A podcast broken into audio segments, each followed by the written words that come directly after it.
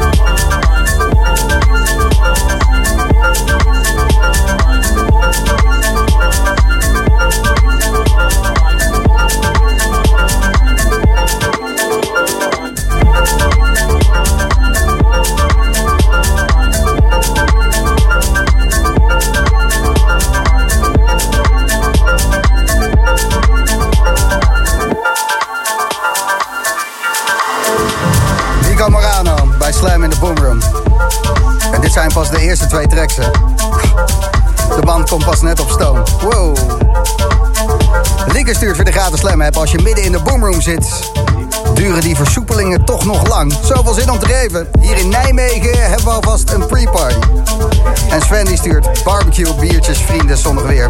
Een onboffelijke situatie. Maak wat moois van vanavond. Thanks Sven, uh, het komt helemaal goed. 11 uur Patrice Boymel en dit is de Belg der Belgen. Nico Morano.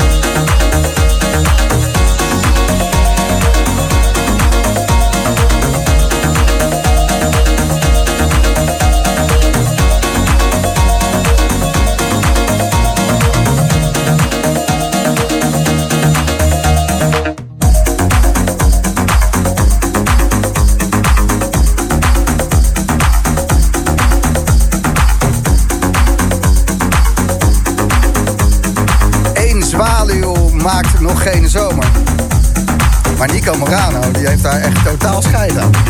What the fuck. Lekker man. Gewoon doorhalen. Tot dinsdag. Wat een goede set.